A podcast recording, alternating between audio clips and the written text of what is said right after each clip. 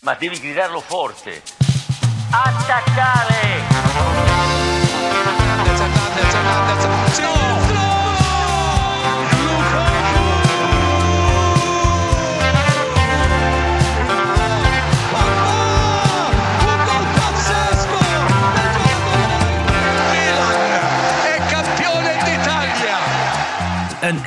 Hele goede middag. Het is drie voor vier op dinsdag 27 december 2022.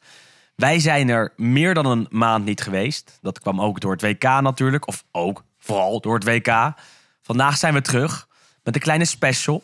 Geen Wesley Victor Mak tegenover mij, Willem Haak. Maar Vincenzo Ruben Coppola. Zonder tornado. Welkom, welkom Vincent. Dank, dank, Hoe is het? dank. Ja, eigenlijk wel goed. Het was een... eh Heb je me gemist? jawel, het was een beetje een verplichte eh, ja, afkik-maand natuurlijk. Mhm. Maar ik ben eh, ontzettend blij eh, terug te zijn en, eh, en weer wat wedstrijden in het vooruitzicht te hebben. Zeker. Eh, maar toch, ja, een WK was, eh, was, was leuk tussendoor, maar het is geen Serie A. Het is geen Serie A. Wat ik wel leuk aan het WK vind, is dat eh, iedereen kijkt. Dus met wie je eh, ook kijkt naar een wedstrijd van het Nederlands elftal, iedereen is eigenlijk op de hoogte van het hele WK. Mijn, mijn zus, mijn oudste zus, die kijkt nooit naar voetbal. Zeker niet naar de Serie A, hoogstens een keer naar Ajax. Eh, die eh, keek opeens naar Argentinië, Polen. Ja. Of eh, naar iets anders waarvan je denkt, nou ja, die zou ze normaal niet hebben gekeken, denk ik. ja, mooi is dat, hè? Maar echt van die sporttoernooien die gewoon je hele dag aan kan hebben staan. Net zoals Heerlijk. Olympische Spelen heb ik dat eigenlijk precies hetzelfde. ja. Maar waar je dus ook met iedereen ook even over na kan babbelen.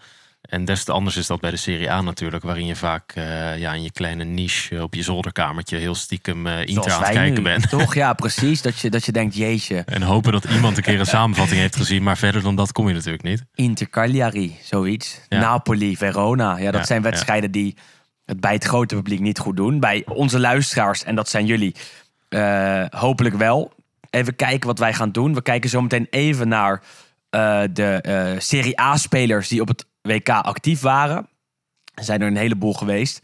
Italië was er zelf niet, dus we eh, kunnen het niet over de Italiaanse prestaties hebben. Kijken wel even naar eh, namen als Amrabat, eh Brozovic, De Roon, Koopmeiners. Daarna blikken we even terug op de eerste seizoenshelft van de Serie A, waarin veel gebeurd is. We hebben 15 eh, speelrondes gezien, hebben een, een absolute titelkandidaat, hebben eh, wat, eh, wat andere eh, ploegen die het goed hebben gedaan, ofwel slecht hebben gedaan. En daarna is de podcast alweer voorbij. Zijn we er volgende week weer met een reguliere aflevering na Inter Napoli. Eh, en deze is natuurlijk voor iedereen te beluisteren Ja. via Friends of Sports. Volgende week weer alleen voor de vrienden van de Vriend van de Show pagina van ons. Van La Gazzetta dello Stadio. Kan je ook worden. Ik zal straks aan het eind even uitleggen hoe je dat wordt. Daar betaal je dan 2,50 euro per maand voor. Waardoor je ons elke week in je eh, hoortoestel kan, eh, kan krijgen. In je favoriete podcast-app, zodat ze dat Zo altijd zo het. mooi zeggen. En, Met eh, exclusive content. Exact. En waarbij je ook als stem op de speler van de week, enzovoort, enzovoort. Allemaal extra's die je alleen krijgt als vriend van de show. Deze is dus voor iedereen. Ik zeg dat we gaan beginnen, Vincent. Yes. C'è lo spazio per McAllister Di Maria è libero dalla parte bassa Di Maria, Di Maria, Di Maria, Di Maria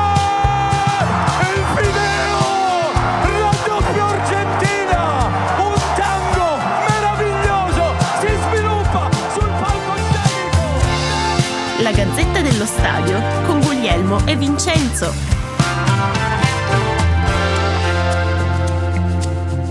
Vond je het een eh, mooi WK?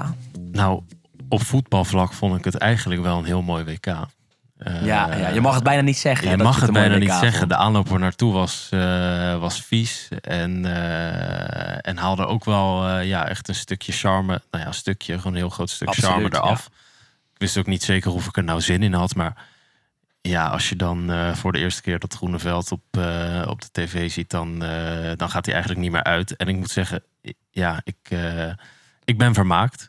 Ik ben zeker niet teleurgesteld. En eh, nou, de groepsfase moest even loskomen, maar uiteindelijk zaten er een paar eh, fantastische potjes tussen. Met een eh, fantastische finale natuurlijk. Ja, als kers op de taart. Misschien wel bij mij in de top drie van beste wedstrijden die ik heb gezien.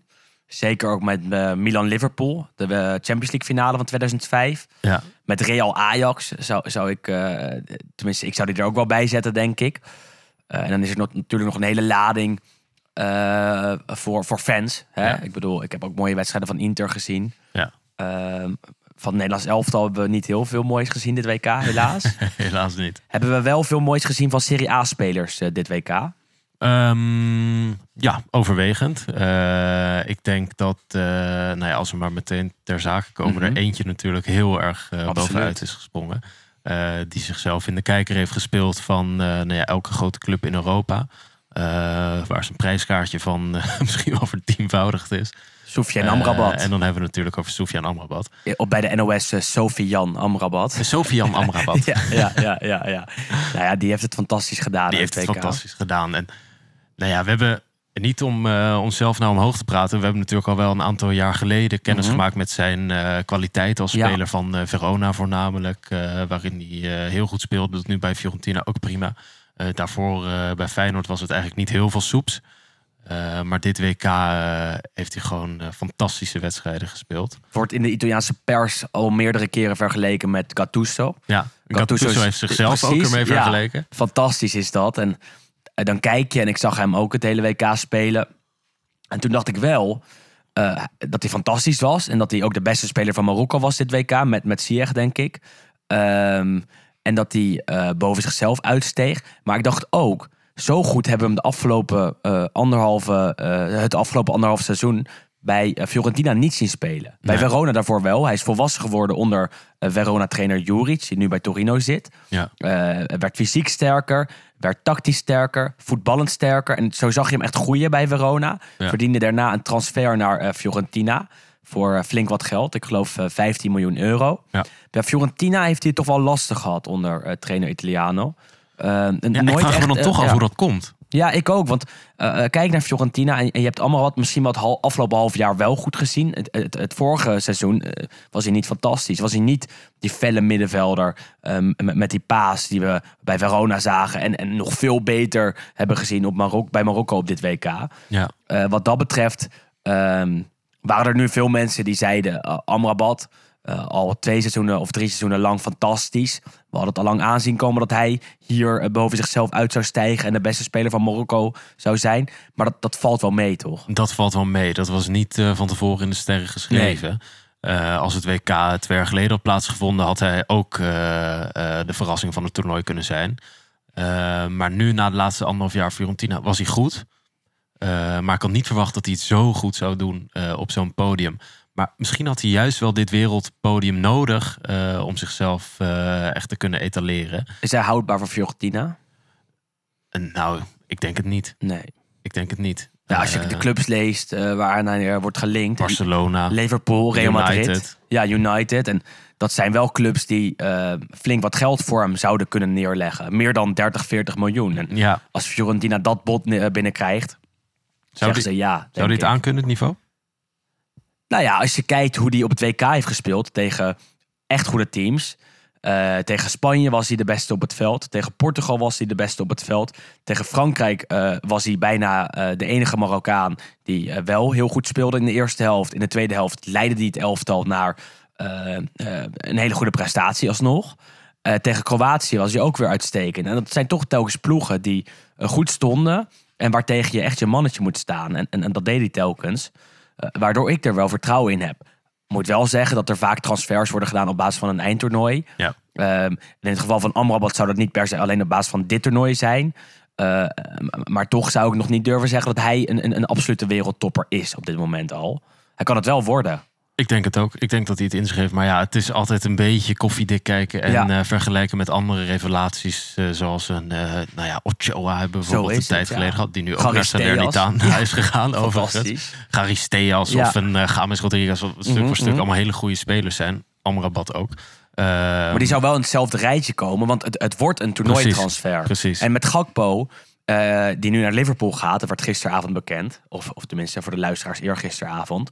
Eh is eigenlijk hetzelfde gebeurd. Eh, dit transfer naar Liverpool is niet verdiend op het WK, maar wel in een stroomverstelling gekomen door het WK. En dat ga je bij Amrabat ook zien. Die gaat niet een transfer maken eh, alleen door het WK, maar door deze prestaties die hij heeft laten zien in Qatar.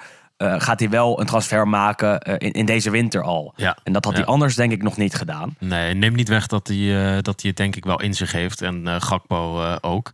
Eh, en het is eh, natuurlijk altijd een beetje vervelend om te horen als je zelf Nederlands bent. Dat Gakpo op basis van een toernooi eh, naar Liverpool gaat. Omdat het ook gewoon een hele kwalitatief goede speler is. Maar bij Amrabat is dat denk ik vergelijkbaar. Precies.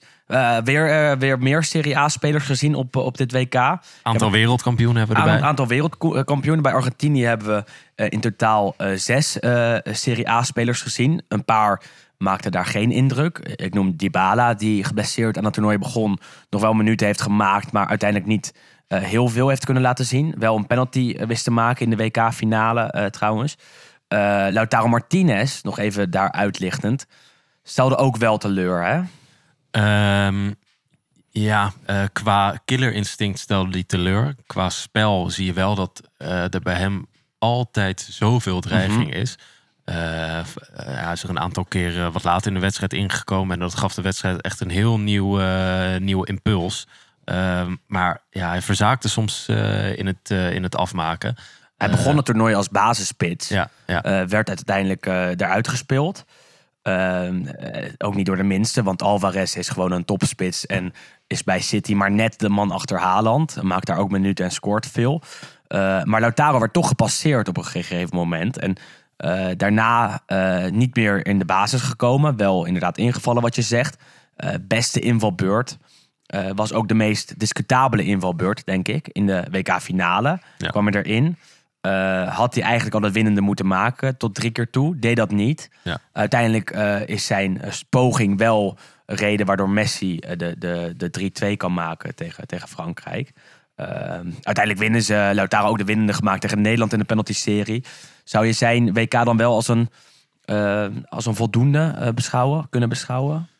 Nou ja, op papier wel. Kijk, eh, natuurlijk als je van tevoren tegen hem had gezegd van... nou luister, je wordt wereldkampioen en je scoort de winnende Ja. penalty... dan Nee, had, hij waar. er, had hij ervoor getekend. Maar ik zou het zeker als geslaagd bestempelen. En de manier waarop is voor hem misschien niet helemaal 100% perfect. Eh, desondanks denk ik eh, dat hij gewoon heel positief terugkijkt op, eh, op dit WK. Absoluut. Kijken we nog even verder. Meer namen natuurlijk actief daar. Niet alleen bij Argentinië, ook bij Frankrijk. Toch nog een positieve noot. Want de Franse Milanisti zijn allebei zeker beslissend geweest, Ja. denk ik. Ja. Theo Hernandez en Olivier Giroud. Ja. Eh, Hernandez kwam erin omdat zijn broer geblesseerd raakte in de eerste wedstrijd. Sinds eh, dat moment telkens basisspeler geweest, liet het echt zien. Scoorde ook tegen Marokko. Ja, en eh lieten echt de tandem van Milan eigenlijk Mhm. op volle toeren draaien. In het verleden vond ik hem niet, niet heel overtuigend in het Franse elftal. De keren dat hij meedeed. Giroud is natuurlijk al jaren een, topspits voor Frankrijk. En heeft dat ook, ook dit WK weer bewezen. En dat vind ik toch wel fijn om te zien. Eh, het geeft me ook weer een beetje rust in mijn hoofd... dat de spelers die in de Serie A goed zijn... het ook in Dat zich ook hebben ja, ja, op, ja. om op een WK te Het doen. gebeurt niet zo vaak eigenlijk, Nee, hè? Maar, nee. maar Giroud toch, toch fantastisch. Dit WK weliswaar gewisseld in die finale. Maar daarvoor meerdere keren beslissend geweest. Jij had hem in de Scorito pool ook eh, als topscorer telkens. Ja, En- ik vond het een vrij veilige keuze. Ja, dat pakt dat- ook wel goed uiteindelijk uit. was het dat ook. Ik, ik, heb, ik heb gefaald. Ik ben in de pool van, van elf mensen ben ik volgens mij tiende geworden of zo. Dus, eh, en, en jij hebt lang bovenin meegedaan. Totdat je het vergeet, vergat in te vullen. Ja, ja, ja, ja. Nou, zou je net Het is toch zien, niet hè? lekker, ja. Nee, nee dus eh, Giroud en Hernandez waren, waren dicht bij de wereldtitel. Eh, waren zeker basisspeler bij dit Milan. En, en jammer voor hen dat eh, eh, geblesseerd was en dus niet, eh, Ja. niet meeging. Anders was hij misschien wel de eerste keeper geweest van Frankrijk. Je weet het niet. En daar kan hij eh, alsnog ingroeien na het WK, denk Dat ik. denk ik ook. Dat denk Ja. ik ook. Ik denk dat hij, eh, nou ja, als Joris op een gegeven moment weg gaat vallen, dat Menjan eh eh, zeker klaar zal staan. Ja, we hebben natuurlijk ook nog Le Petit Prince op het middenveld Ja. gezien. was ook goed was hoor. ook goed. Ja, eigenlijk zijn vorm van de laatste weken Juventus doorgetrokken. En ook bij Frankrijk eigenlijk een, een goede speler geworden. En voor hem en zijn moeder is dat wel lekker. Want het contract van Rabiot bij Juventus loopt af aan het einde van het seizoen. Eh, dus daar is wel mogelijkheid dat iemand daarin gaat springen. En dat Rabiot niet gaat verlengen. En, en gratis de deur uitloopt bij, bij Juve. Eh, je moet je ook wel afvragen of het het waard is om hem een eh, heel dik miljoenencontract te geven. op basis van een goed half seizoen. Nou, volgens zijn moeder wel natuurlijk. Ja, zeker. En volgens sommige mensen bij Juve ook wel. Zijn we toch bij Juve nog steeds even? Want Chesney was misschien wel de beste keeper dit WK. Ja. Als Ja. we dat mogen zeggen. Ehm, mogen we dat zeggen? Ja, vond ik eigenlijk. Ik denk het wel, terwijl er wel meerdere keepers waren Nou natuurlijk. ja, Alva of eh, Emiliano Martinez van eh Ja, Argentinië was wel de beste Goed, wel vervelend. Ja, en Livakovic van Kroatië. Ehm nou, Chesney was misschien niet de beste, maar wel een van de betere. Eh, natuurlijk een fantastische penalty redding gehad eh, tegen Argentinië. Ook in de rebound nog. Ja. Of was het tegen Argentinië? Nee, de penalty van Messi was, was, was niet de rebound. Volgens mij tegen Mexico ook nog de rebound die hij hield. Ehm, en hij zei tijdens of een, de persconferentie na die wedstrijd tegen Mexico, toen hij die pingel hield. Nee, Saudi-Arabië was het. Hij hield de penalty in ieder geval. Was het niet tegen Argentinië? Hij hield ook tegen Argentinië een penalty en daarvoor nog een keer. En toen zei hij, uit in ieder geval twee pingels, dat WK, dit WK. En hij zei, ehm, kijk, we zouden dit er ook uit kunnen knippen, maar dat doen we niet. Want eh, ja, dan wordt het allemaal zo glad. Maar in ieder geval zei hij na een van die penalties, eh, dat hij eh, bij Juventus heeft geleerd om zoveel pingels te houden. Dat er een bepaalde tactiek is, waar Louis van Gaal ook heel vaak aan heeft gerefereerd tijdens het WK. Ehm, ehm, niet, niet per se hetzelfde onderzoek, maar dat er een soort academisch onderzoek ligt, waardoor hij beter penalties kan houden. en bij Juventus trainen ze daarop. En als je kijkt naar zijn cijfers ook bij Juve, eh, dan houdt hij gewoon heel veel penalties. Meer dan welke keeper dan ook. Maar wat is- houdt die methode dan in? ja, dat, dat weet ik. Toch een, toch een tussenhupje of, of, of toch, toch langer blijven staan. Of toch eh, iets, iets fysieks waardoor je hem beter eh, kan keren. En dat blijkt te werken. Want Chesney is een van de betere penalty keepers ter wereld op dit moment. En, en je wil hem eigenlijk niet tegen je hebben tijdens een penalty serie. Nee. Ehm, en dat zag je ook dit WK, waarin hij dus twee penalties hield en heel goed was bij Polen. En dan toch nog even naar de Nederlandse Serie A-spelers kijkend. Want eh, eh, daarvan waren er ook een paar actief eh, op het WK in Qatar. Ik noem de twee van Atalanta natuurlijk, de Roon en Koopmeiners. En de twee van Inter, de Vrij en Dumfries. Ehm, nou ja, verdienstelijk. Niet ja, maar geen hele hoge ogen gegooid. eh, natuurlijk. Koopmeiners wel betrokken bij misschien wel het mooiste moment van het WK. Ja, god, wat was het mooi, hè? Ongelooflijk, Oh, ja. Ik vond het echt zo mooi. Ja, het was, het was echt zo mooi. Maar het punt is, het was voor niks. Nee.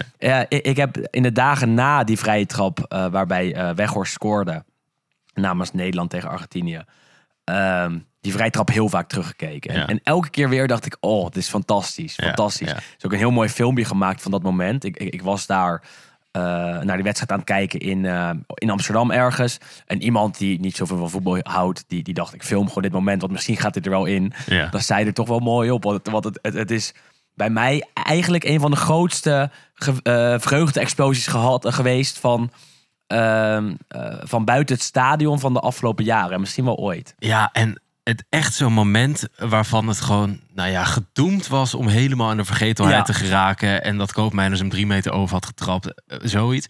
Eh, Dat heb je natuurlijk al 300.000 keer meegemaakt. En eh, echt op een moment suprem Dit doen. dit doen. Ja, dat heerlijk. is toch fantastisch. En je moet op zo'n durven. Ik vind het nog mooier dan eigenlijk dan dat hij me in één keer de kruising in Ja, had geramd. ook, want dit is gewoon ook. echt ja, een vleugje genialiteit. Maar Je, je denkt, wat doet hij? En je durft het toch op dat moment. En eh, het lukt. En, en, en dat, is, dat is fantastisch. En daar was Koopmeiners dus, dus bij betrokken. Het was een idee van Weghorst.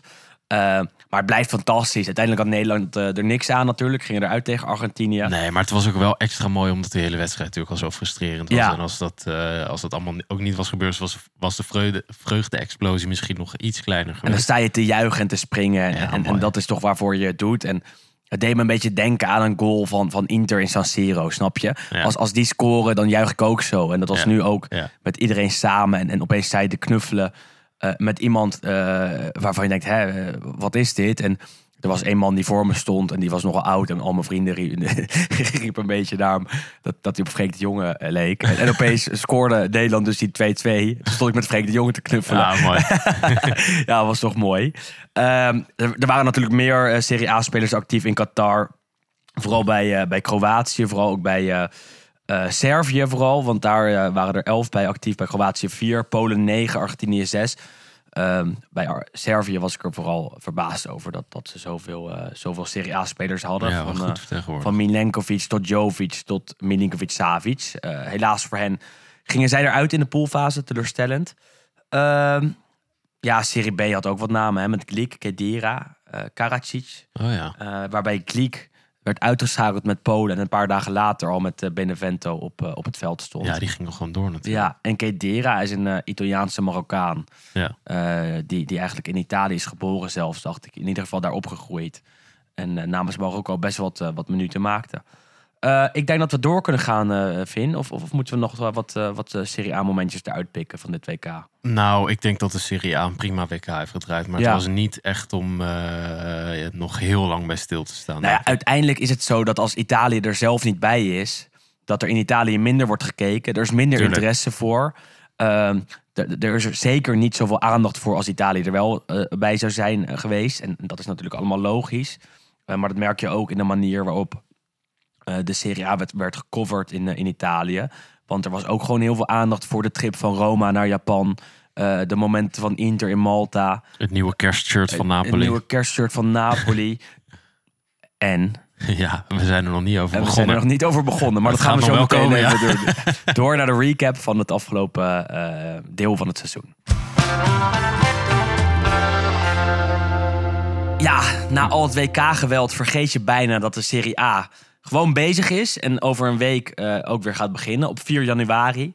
Eh, er zijn 15 speelrondes geweest. Napoli 4 trots, knap bovenaan. Ja. Met 41 punten uit 15 wedstrijden. 13 van de 15 gewonnen, twee gelijk. Ja, dat zijn eh, Als jij het zegt, cijfers om, om mee thuis te komen. Maar ik ga er niks over zeggen. Ik ga er niks over Ik ga er zeggen. helemaal niks over zeggen. Titelkandidaat nummer 1, in ieder geval wat mij betreft.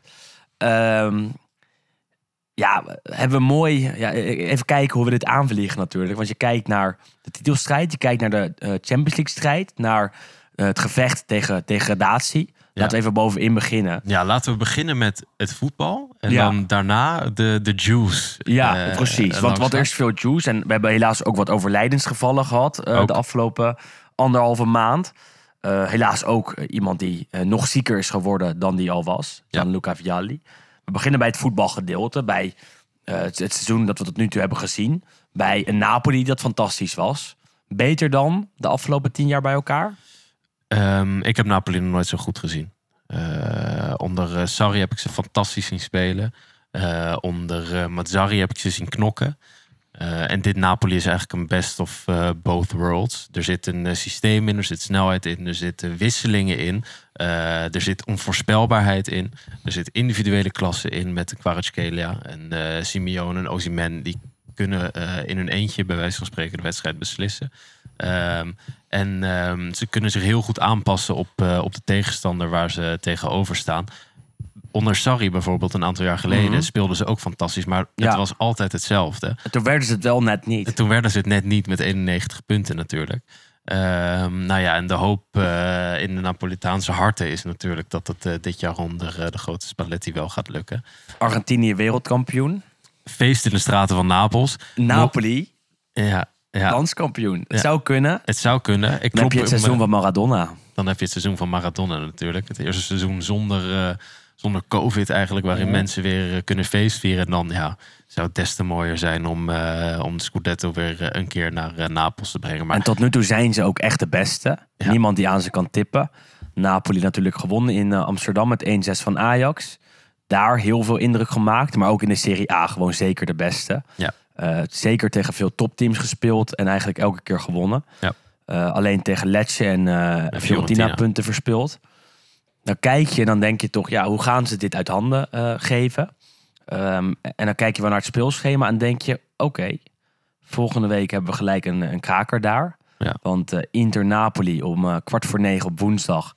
is een wedstrijd waar zeker vanuit Inter-perspectief... maar ook vanuit Napoli-kant veel druk op staat. We beginnen even bij Napoli. Want ehm, op dit moment dus acht punten voorsprong op Milan. Eh, nog meer op, eh, op, op teams zoals Juve en op, eh, op Inter. Kijk naar, naar deze wedstrijd en je verliest hem. Ja, staat er toch weer wat druk op gelijk. En dat is wel druk die je in Napels gelijk wil voorkomen. Want in Napels en bij Napoli komt er vaak veel bij kijken als je landskampioen wil worden. Ook als je lang meedoet om die titel. Dat hebben we gezien de afgelopen tien jaar, waarin ze drie of vier keer lang hebben meegedaan om die titel. Ja. Elke keer werd de druk te veel. Stel je verliest volgende week woensdag van Inter, komt die druk gelijk terug, denk ik. Dan Ja. komt die druk niet alleen vanuit de pers, maar uit, van- vanuit de club, vanuit de supporters. Er toch weer iets meer op te staan dan eh, als je die wint. En als je weer gelijk laat zien dat je top bent en dat je de beste van iedereen bent. Ja. Eh, het is voor hem pech dat ze hiermee beginnen, denk ik. Ehm, ja en nee. Eh, ja, goed. Kijk, je, je zegt het net al terecht. In Napels is altijd sprake van een soort ja, exponentiële druk. Het is druk op druk op druk op druk. Het komt uit allerlei hoeken en gaten, komt die druk. En degene die ermee moeten gaan dealen is, zijn de elf spelers op het veld. Ja. Ehm, al denk ik trainer. wel dat een trainer als eh, Spalletti eh, bijna als geen ander in staat is om eh, zijn ploeg in die zin te beschermen. daar als een soort filosoof boven te hangen. Dat denk ik wel, maar, sorry dat ik je interrumpeer. Spalletti staat er wel om bekend dat hij ook een stresscoach is. Naarmate het einde van het seizoen nadert. Dat, zo hebben we hem nog niet gezien. Maar Ja. eh, laten we hopen dat dat moment eh, nog even uitblijft. Alleen eh, wat hij eh, tot nu toe doet, is gewoon heel eh, charmant en rustig met de pers omgaan. Heel duidelijk uitleggen waarom hij de dingen doet die hij doet. En eh, ja, dat is heel anders dan een aantal eh driftkikkers die we in het verleden bij Napoli hebben gezien. Zoals een Gattuso of een Mhm. Sarri of een Mazzarik, eh, eh, om een paar voorbeelden te noemen. En nou ja, goed. Kijk, Napoli is nog nooit eh, in de positie geweest eh, om acht punten voor te staan op, eh, op de concurrentie halverwege het Mhm. seizoen. Ehm, ik denk dat als ze bij Inter verliezen, dat de druk in één keer er vol op zal staan. Eh, maar eh, dan, ja, dan nog. eh, ja, het klinkt eigenlijk al een beetje jinxen natuurlijk. Ja, maar, dan denkt, nog staan ja. ze vijf punten voor. En En dan speel je wel twee weken later tegen Juve thuis. ja, eh, klopt. Op de vrijdag. Ja, en eigenlijk alle grote wedstrijden dit seizoen hebben ze uitgespeeld. Dus ze zijn Ja. uit naar Milaan geweest, Mhm. uit naar Roma, uit naar Lazio, eh, nu uit bij Inter, uit bij Atalanta. eh, en daarna komen, ze, komen die teams natuurlijk in de tweede helft richting, richting Napels. Ja, ze zitten in een goede positie, maar het kan echt van de een op de, an- op de andere dag veranderen. En dat is echt jammer voor ze. Want ik heb Napoli gezien, inderdaad ook. De, de eerste seizoenshelft. Eh en, en je wist af en toe niet wat je zag. En dat heb ik vooral ook gehad tijdens Napoli Sassuolo, geloof ik. Waarbij ik eh, een Kvaratskhelia zag die zo goed was. En waarbij ik dacht, ik heb eh, denk ik nog nooit een, een nieuwkomer in de Serie A het zo fantastisch zien doen, zien doen de eerste seizoenshelft. Nee. Zeker dat duel liet hij zien dat hij... Oké, het was tegen Sassuolo, maar dat hij de beste van allemaal was. En Ja. dat hij het hele elftal bij de hand nam en eh, zo beslissend was. En dat Ja. is hij in heel veel wedstrijden al geweest. Ook tegen Lazio. Eh, ook in de Champions League. Eh, ik noemde de wedstrijden tegen Ajax al. Tegen Liverpool was hij super. Ehm, Ja, het dus is ik heb ook gewoon zin om. Kvaratskhelia weer te zien. Dat is het echt. Dat is het echt precies. Je hebt gewoon zin om naar de jongen te kijken en, en om hem zijn kunsten weer, Ja. weer te zien vertonen. Hopelijk kan hij het doortrekken. Hij is natuurlijk een tijdje geblesseerd geweest. Eh, zijn Fiat was volgens mij gejat. Kijk, en allemaal dat soort Ja, randzaken. Rugproblemen heeft hij gehad, Die inderdaad. dragen allemaal niet bij aan, eh, eh, eh, aan, eh, aan, de, aan de start van het tweede seizoen zelf. Dus eh, hopen dat hij het nog kan. En, eh, en hopen dat de hele wereld nog eh, in ieder geval een halfjaartje van hem eh, kan genieten in een Napoli-shirt. Wie is eh, de grootste concurrent voor Napoli? Napels. Napoli. Nou, ik zou nu toch, eh, toch wel Milan zeggen. Napoli eh, op 41, Milan op 33. Ja. Juve 31, Lazio 30, Inter 30. Ja. Dat zijn de vijf teams, zou ik zeggen. Daarachter heb je Atalanta en Roma op 27. Ja. Kijk je naar de selectie, kijk je naar de vorm, kijk je naar de ervaring om mee te strijden om de titel. Zijn Milan, Juve en Inter de drie concurrenten van Napoli, denk ik. Ja, dat denk ik ook. De traditionele top drie Absoluut. eigenlijk. Ehm, alle, alle drie eigenlijk om verschillende factoren. Milan ehm, heeft eh, eigenlijk in de eerste seizoen zelf bewezen... eh, dat, eh, dat het nooit opgeeft en dat het echt tot in de laatste seconde zal strijden voor die punten. En In de allerlaatste wedstrijd voor de stop dat nog gedaan tegen Fiorentina. ja, ook op dubieuze manieren. Ja, maar uiteindelijk ja, halen ze die ja. punten wel binnen. Ja, Eh Juve is echt aan een opmars bezig. Spelen prima voetbal en, en blijven Juve natuurlijk. laten we daar even blijven bij Juve, denk ik. We hebben Napoli net gehad. Juve is de club waar het meeste is gebeurd. De, ander, de anderhalve maand dat we niet hebben gespeeld in de Serie A. Ehm, ja, hoe ga je dit start? uitleggen? Where to start? Want eh, er is al lang onderzoek naar Juve. Naar valse boekhouding. Naar eh, het overwaarderen van spelers. Naar eh, de manier waarop ze de transfer van Cristiano Ronaldo hebben gefinancierd. En dat kwam tijdens de WK-stop tot uiting in het feit dat het hele bestuur van Juventus opstapte. Eh Netvet is weg, eh, Agnelli is weg, er zijn wat andere namen weg. Moeilijk om dat hier kort en bondig zo neer te zetten. Maar die zijn weg omdat er nieuwe feiten op ta- ta- tafel zijn gekomen in dat eh, onderzoek.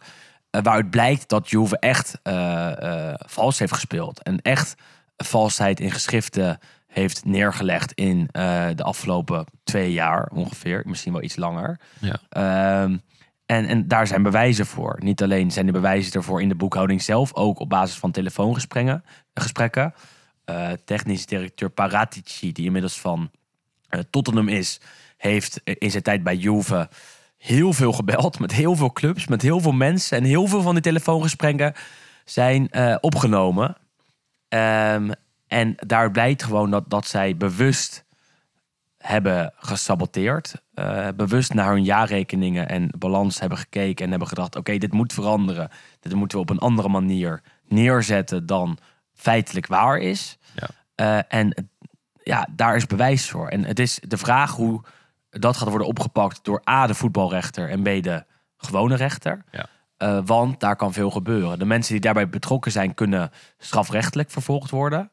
De spelers die wisten dat zij salaris inleverden en dat dat op een valse manier in de boekhouding werd neergezet, kunnen ook worden geschorst. Want dat is gebeurd. Eh, Ja, daar er is een appje van eh Chiellini volgens mij uitgelekt. het schijnt dat Chiellini ook heeft gepraat met eh, de rechter.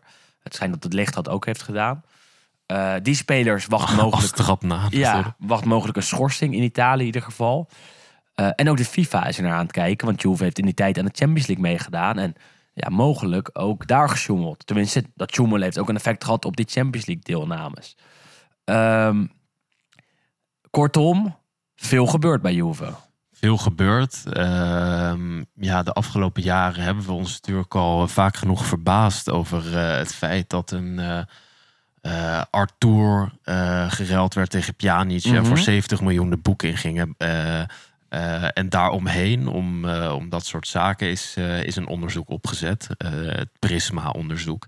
Ehm, er zijn nu ook een aantal clubs bij betrokken die eigenlijk ja, in datzelfde web acteren. En, en het komt erop neer dat de zaken zoals in het echt zijn, heel anders worden voorgesteld in de, in de boeken. En dan hebben we het, ja, dat heet de plusvalence. Dus Mhm. ehm, Mhm. de waarde die wordt toegekend aan s- spelers met name, eh, die vaak vele malen groter is dan de waarde die zij eh, daadwerkelijk vertegenwoordigden, zodat je je boekhouding op orde krijgt. Eh, en natuurlijk is zo'n waarde, ja, dat is ook een beetje natuurlijk uit de lucht gegrepen. Het, het is maar net eh, ja, welke waarde je er zelf ja. aan hecht. Eh, maar dit is eh, ja, nou ja, op zo'n grootschalige en eh, structurele eh, wijze gebeurd dat het eh, volgens de onderzoekers eh, niet verder door de beugel Waar, waarbij de plusvalensen volgens mij niet alleen eh, het hoofdonderwerp zijn, maar ook die, die manier van betalen en die manier van het uitkeren van salaris aan spelers. Eh, kortom, wij weten ook de helft niet. Eh, de Italiaanse pers weet het ook niet. Er wordt echt onderzoek naar gedaan. Ja, we weten ook niet welke consequenties het kan Nee. hebben. Er is eh, gesproken over Juve terugzetten naar de Serie B. Ja, Of Wat al gebeurd is een keer natuurlijk. uit Europa. En ja, we, we weten het niet. Nee, nee. Wat wel zo is, is dat het een groot schandaal kan worden. Ik denk niet zo groot als Calciopoli, zoals dat in 2006, 2005, 2006 was. Eh, maar ja, er wacht Juventus wel wat. En dat zag je dus al bij het opstappen van het bestuur. Allegri heeft inmiddels meer macht gekregen bij Juve. Er komt een nieuw bestuur. Eh, en dan is de vraag wat voor effect dat gaat hebben op eh, het spel van de selectie zelf. Je kan soms stellen dat dat effect niet heel groot is. Dat spelers gewoon voetballen en doorgaan. Dat zag je bij Ajax toen er heel veel eh, rommel eh, was, eh, gerommel was tijdens de Kruifrevolutie bijvoorbeeld. Toen werden ze wel kampioen uiteindelijk. Eh, zag je ook bij sommige andere clubs waarbij er soms wat gesjoemel was of eh, gezeur was op bestuurlijk niveau, maar waarbij ze wel sportief presteerden. Eh, in het geval van Juve kan het ook wel zijn, want kijk naar eh, Di Maria, die we net bij Argentinië niet eens hebben genoemd als wereldkampioen. Eh, en die is ten eerste gewoon wereldkampioen geworden. Die komt straks aan Juve, is fit. Waarom zou die zich druk maken over eh, het bestuur van Juve? Ja, en de prestaties op het veld zijn al een tijdje gewoon meer dan prima. Eh, Eh, ja, al twee maanden ongeveer Ja, eh, ja, voor, voor ja. de stop. Ja, en het is maar net hoe je daar als team mee omgaat. Kijk, als jij als die randzaken ervoor zorgen dat je op het veld alleen maar hechter met elkaar wordt en net dat stapje extra wil zetten, ja, dan kan het ze ook nog eens de nodige punten opleveren natuurlijk. Eh neem niet weg dat de situatie in de directiekamer bij Juventus eh, gewoon ontzettend vervelend is. Absoluut. Gaan we de komende weken en de komende maanden vast meer over horen. En eh, wij zullen jullie telkens bijpraten. Wesley weet daar nog meer van dan wij twee, denk ik. Die zit daar echt met zijn neus bovenop. Wij ook, maar op een andere manier, denk ik. Bij Wes altijd de vraag of hij... Of je objectief kan oordelen. Zo is het. Nee, ja, maar dat, dat gaat hij in ieder geval proberen. Ja, ja, ja. Ehm, onze Juve, Juve-fan natuurlijk. Ehm, ja, Milan, Juve, Inter. Ook wel wat problemen natuurlijk op financieel gebied nog steeds. Eh, daar de vraag of Skriniar gaat blijven. Eh, contract loopt daar af aankomende zomer. En eh, de club en de spelers zijn er nog niet over uit of, of dat gaat kunnen worden verlengd. Want hij wil meer geld dan Inter heeft. Ja, hadden ze misschien toch afgelopen zomer van de hand moeten doen. Ja, maar ja, dan had je al helemaal geen centrale verdediger gehad. Dan had Nee, je met de Vrij en 70 Acerbi miljoen op moeten spelen. Ja, en dan was Bremer misschien wel gekomen eh, naar Milaan. Eh, bij Inter ook wel wat gerommeld dus. Eh, aan de andere kant wonnen zij voor de stop van Atalanta. waardoor ze nou, er toch nog zijn en die aansluiting bij de top hebben gevonden. Alleen zij moeten dus echt van, van Napoli winnen komende woensdag. Dat wordt een, een mooie wedstrijd. De verwachting is dat wij na die wedstrijd ook een, een aflevering gaan opnemen voor, opnemen voor de vrienden van de show. Niet met jou waarschijnlijk, maar met Wesley, die dan nog in Frankrijk zit. Dus dat wordt, wordt digitaal. Die is dus te beluisteren door vrienden van de show. En, en je bent vriend van de show als je 2,50 euro betaalt per maand. En dat wordt je via www.vriendvandeshow.nl slash La Gazzetta dello Stadio. Die linkjes delen wij ook op onze sociale media accounts. En eh, het is heel makkelijk. Dan eh, wordt er 2,50 van je afgeschreven per maand. Maar in ruil daarvoor krijg je toegang tot eh, een pagina waarop je heel veel nieuws ziet. Van polletjes tot input voor de afleveringen, tot extra afleveringen elke week.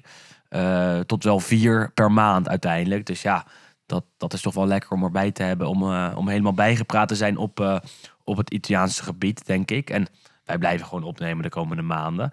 Kijken we even naar de subtop. We zien Roma, we zien Atalanta, Udinese. Ja, daar weinig verrassende namen, denk ik. Udinese natuurlijk wel. Ehm, Fiorentina en Bologna staan op de plek waar ze horen te staan, denk ik. Door naar de degradatieploegen. want Verona is wel het slechtste van het allerslechtst. Samen met uh, Sampdoria en Cremonese. Kunnen we daar nog iets verrassends verwachten? Eh, nou ja, Salernitana heeft natuurlijk eh, bewezen dat, eh, dat je nooit nooit moet zeggen. En, eh, Mhm. eh, en dat, dat wonderen te verrichten zijn in de Serie A. Die hebben natuurlijk vorig jaar eh, een eh, ongelofelijke opmars eh, vanaf de tweede helft van het seizoen ingezet. En eh, zichzelf weten te handhaven. Ehm, eerlijk gezegd zie ik dat bij deze teams eh, niet gebeuren. Al helemaal niet bij Verona en Sampdoria. Nee. Cremonese heeft wat leuke wedstrijden op de, leuke wedstrijden op de mat gelegd. Ze zijn ook Eh. bezig met wat namen, schijnt. Zomer Rodolf van Roma wordt aan ze gelinkt. Wat andere eh, spitse namen, volgens mij Henri van eh, Verona. Zijn wel spitsen die nog enigszins een verschil kunnen maken. Die Dessers kunnen bijstaan in, in de spits. Die niet super klikt op het veld. Met, met ook reken heb ik het gevoel. Eh, dus als daar nog iemand komt die, die, die nog een, een kleine push kan geven op aanvallend gebied. ehm, zou dat wel lekker zijn. Ik, ik ben daar geweest vlak voor de stop. En die hebben daar een spits lopen die af en toe ook speelt. Giovanni. En dat is echt een, een spits die er niks van kan. Ja. Eh, een, een, een soort serie B-bomber die eh, is, is mogen blijven daar. En, en ook nog af en toe speelt. Tegen Milan startte die zelfs. Ja. Toen dacht ik, ja, dit, dit kan echt niet. Dus Cremonese heeft ook zeker een, een, een, kwaliteitsimpuls nodig. Voor Sam geldt hetzelfde. Alleen daar is nog steeds veel om te doen. Want eh, Ferrero, de, de oud-eigenaar, of nog steeds de eigenaar, heeft de club nog steeds niet verkocht. Terwijl daar wel al twee jaar sprake van is. En dat is wel problematisch. Ja. Eh, want daardoor kunnen zij weinig doen op de transfermarkt. Worden wel gelinkt aan Sam Lammers. Eh, en ook Verona moet de markt op. Alleen daar lees je weinig over. Is er een team waar jij echt zin in hebt om te zien na, eh, na deze stop? Naast Napoli. Ehm, nou ja, ik wilde het eigenlijk gelijk Napoli zeggen. Mm. Maar dat was wel echt het team waar ik elk, weekend naar uitkeek. Ja. eh, ongeacht mijn, eh, mijn natuurlijk voorkeur voor Mhm, Napoli. mhm. Ehm, nou, ik vind Monza leuk om naar te Ja. kijken. Heb ik wel zin in om die weer te zien. En ik hoop eigenlijk dat, eh dat Udinese weer wat van de vorm van de eerste weken kan, kan gaan herpakken. Eh, zijn toch niet het Leicester van, eh, van Italië. Nu toch niet. eh, weer de Lo Stadio Jinx. Ja. die heeft plaatsgevonden. Eh, maar hopen dat hij, eh, dat hij wel wat leuks kunnen laten zien. Dus daar heb ik wel echt zin in. Wonnen voor het laatst op eh, 3 oktober, de Leidse feestdag. Dus ja, Ja. dat Ja. wachten tot, tot een nieuwe feestdag. Dat ze, dat ze weer weten te winnen, denk ik. Koningsdag of iets Ja, of, of weet 14 februari of zo, weet je wel, zoiets. Valentijnsdag. Ehm nou ja, film eh, om op eh, vooruit te blikken. We kijken nog even eh, terug voordat we gaan kijken naar die aankomende speelronde. Want helaas eh, overleed er ook iemand eh, afgelopen anderhalve maand. En eh Juriaan van Wessen brengt een ode aan Sinisa Mihailovic. La settimana di Giorgio. Op een mooie lenteavond rende hij opeens de Europese huiskamers binnen na een prachtig genomen directe vrije trap. Het was de halve finale in de laatste ouderwetse Europa Cup. Rode Ster Belgrado, Bayern München. Het werd 2-2 en Rode Ster ging door naar de finale. Dankzij dat doelpunt van Sinisa Mihailovic, die pas een half jaar bij die club speelde. Bij aankomst in de Joegoslavische hoofdstad hoorde Bruno Longhi, waarschijnlijk op dat moment de beste Italiaanse commentator, van een taxichauffeur dat de fans elkaar al gingen feliciteren wanneer Rode Ster een directe vrije trap in de buurt van het vijandelijke doel kreeg. Want dan was het altijd raak. Dat was de reputatie van die krullenbol. Sinisa Mihailovic is niet meer. Na een slopend gevecht tegen leukemie. Er is een schok door Italië gegaan vanwege zijn overlijden. Hij begon dit seizoen nog als trainer van Bologna en twee weken voor zijn dood verraste hij Zdenek Zeeman bij de presentatie van Dienstboek. Ze waren vrienden geworden, hoewel Michailovic nooit onder Zeeman speelde. Als je nu naar die beelden kijkt, is wel duidelijk dat hij toch wel kwetsbaar was. Maar dat was het laatste dat hij wilde uitstralen. Sinisa was voor niemand en niets bang. Ook niet voor de ziekte die hem overviel. Over Sinisa wil ik wel wat zeggen. Hij was een echt oorlogskind en vertelde me eens dat hij als kind van een Servische vader en een Kroatische moeder opgroeide in Vukovar. En dat was voor alle duidelijkheid een van de belangrijkste plaatsen in de eerste maanden van de burgeroorlog. Zijn beste vriend werd op klaarlichte dag neergeschoten op straat door Kroatische soldaten. Natuurlijk heeft hem dat getekend voor de rest van zijn leven. Zelf was hij een voetballer van Rode Ster, de wereldkampioen die uiteenviel door de oorlog. In 1992 speelde Rode Ster een verkapte halve finale tegen Sampdoria in de eerste Champions League. Het was een groepswedstrijd.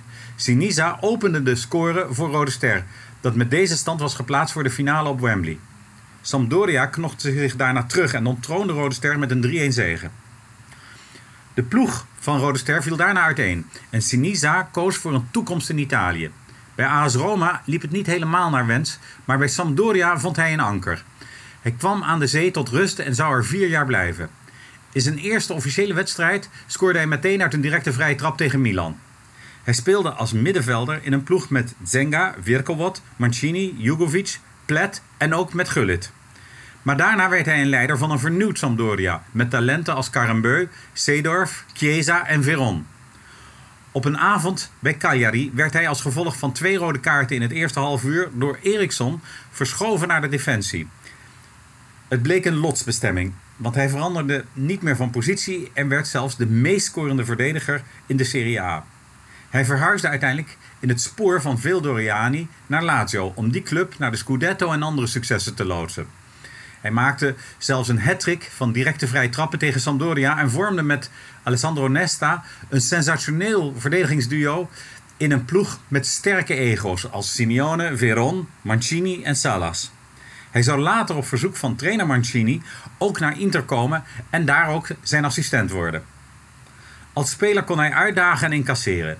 De onwaarschijnlijke actie van Bergkamp door bewust op een liggende Michailovic te gaan staan tijdens het WK 98 was veelzeggend.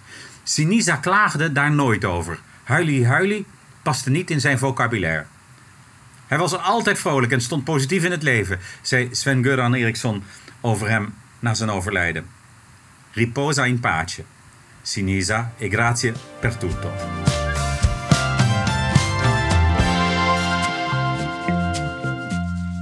Ja, eh, Sinisa Mihailovic, eh, trainer geweest van eh, de halve Serie A, kan je wel zeggen, denk ik. Ja. Van Milan, Inter, Sampdoria, Torino, Bologna natuurlijk en nog wat andere elftallen. Leed al een geruime tijd aan leukemie. Leek wat beter te gaan, maar na zijn ontslag bij Bologna toch weer veel slechter geworden. En hij overleed in december.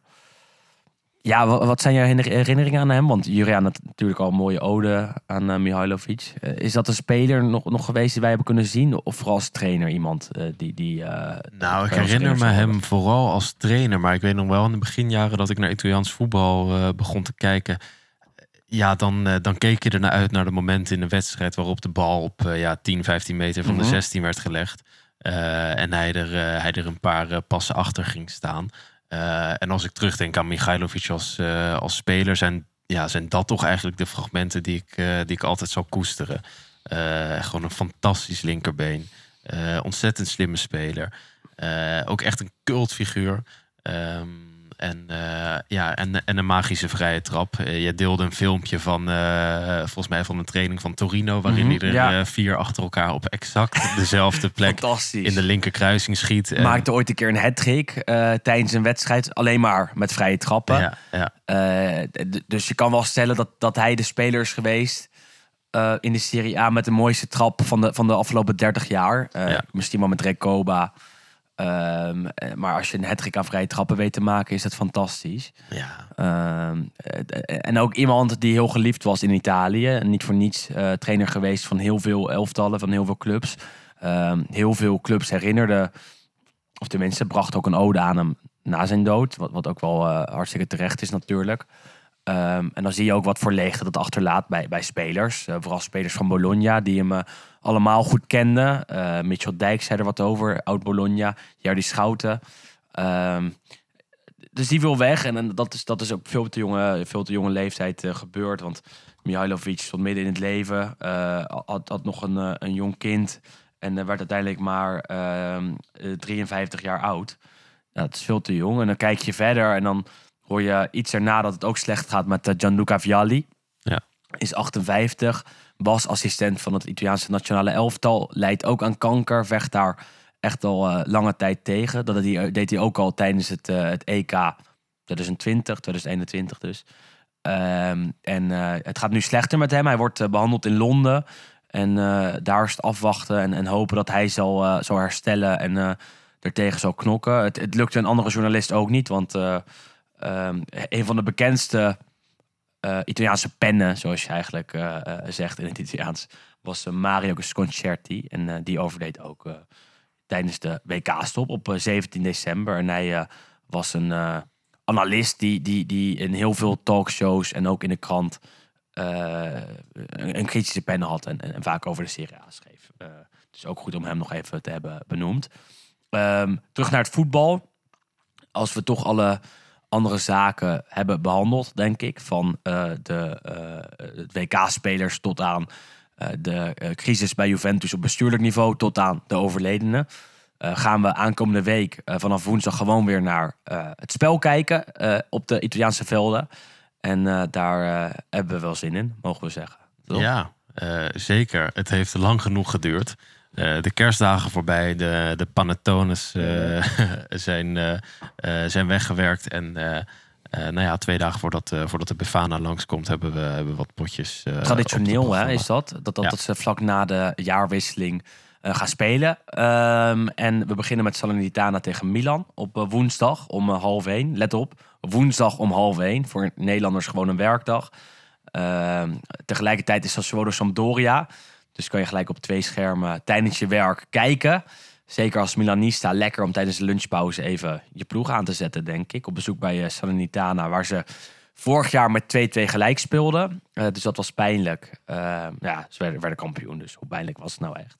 Eh, vervolgens gaan we door om half drie. Voor Italiaanse begrip een rare tijd eigenlijk. Met Spezia Atalanta, Torino Verona. Kan je tijdens je werk wel even een pauze nemen. Hoef je denk ik niet aan te zetten. Maar om half vijf slinger je het tweede scherm weer aan. Want eh, Roma Bologna is dan mooi. Lecce Lazio ook lekker om, eh, om aan te zetten. Die eh, twee Romeinse ploegen altijd leuk om naar te kijken. Lazio wat meer dan Roma, maar goed. Nu Roma, wel. Roma met, met Mourinho. En nog Karsdorp. En nog Mourinho als hij er nog zit. Als Ja. hij niet door Brazilië wordt weggekaapt ja, ja, ja, dat zou ook wat zijn. En Karsdorp, ja, die, die leek te gaan vertrekken bij Roma. Werd weggepest. Hij is toch weer op het trainingsveld verschenen. Precies, speelde ook wat, wat oefenwedstrijdjes mee. Eh, volgens mij zelfs tegen RKC, want er waren heel veel Italiaanse ploegen die oefenden tegen Nederlandse teams. Ja. Eh, waaronder Roma dus. Om eh, half zeven zien we Cremonese Juve. Nou ja, best leuk. En Fiorentina Monza. Ehm Juve op bezoek bij Cremonese. Niks mis mee. Leuk om naar te kijken, zou ik zeggen. Ja. En nou ja, word je op schoot. Beetje de, de wedstrijd van Gianluca Vialli, kan je, kan je wel stellen. Ja. Ehm, en dan gaan we door, want om kwart voor negen kan je naar Udinese Empoli kijken. Dat Kan. zou ik niet doen. Puur hypothetisch. Ja, zou je dat kunnen doen? Maar als je een liefhebber bent en niet alleen van het Italiaanse voetbal, maar van voetbal als zich, kijk jij dan naar Inter Napoli. Want dat is de wedstrijd eh, van de maand, denk ik. En eh, we beginnen gelijk met, met zo'n kraker en dat is heerlijk. Ja, toch fijn dat er, eh, dat er één echte knaller eh, na die winterstop op het programma staat in de het. vorm van Inter Napoli. Eh, vorig jaar natuurlijk een fantastische wedstrijd waar we samen bij aanwezig Ja. waren. 3-2 voor Inter. 3-2 voor Inter. Osimhen die zijn schedel brak. boos. Osimhen brak zijn schedel. Mario Rui Ja. miste in de laatste seconde. Mertens miste in de allerlaatste seconde. Absoluut, ja. Ja, eh, ja, het, was een, een, een typische wedstrijd voor allebei de teams, Ja, denk ik. maar wel veel om van te genieten. Ehm, dit jaar ook zeker weer een wedstrijd van betekenis. Want Inter moet die dus winnen. En, en- en Napoli, ehm, ja, eh, voor hen is het lekker als ze niet zouden verliezen. Laten we dat, eh, laten we dat zo stellen. Ja. Ehm, en dan hebben we gelijk in, eh, in het weekend erna weer potjes. Wij zijn er in die tijd ertussen. Ik moet wel zeggen dat ik op vakantie ben vanaf 5 januari. Eh, dus we hopen op 4 januari s'avonds naar Inter Napoli wat op te nemen. En eh, we gaan kijken hoe we daarna eh, oplossen. Dat komt vast en zeker goed. Eh, voor nu, hartstikke bedankt voor het luisteren. Leuk dat jullie ons zijn blijven luisteren. We zijn tijdens die eh, WK-stop wel wat vrienden van de show verloren. Maar dat is alleen maar logisch. Ik Ja. zou zeggen, tijd om je weer te abonneren. Want vanaf nu zijn we er gewoon weer elke week. En eh, kijken we naar die Serie A. En ehm, houden we weer enorm van die competitie. En laten we dat ook zien en horen aan iedereen. Dat doen we niet alleen met Vincent en met mij, maar ook met eh, Wesley Victor Mak, die eh, er dan gewoon weer altijd bij is. Met Harmen Ridderbos, die de podcast blijft monteren aankomende eh, paar maanden. En met Jarno de Jong, die eh, vanaf nu de graphics maakt voor onze sociale media kanalen. En dat is hartstikke fijn en eh supergoed dat hij dat doet. En dat doet hij op een hele mooie manier.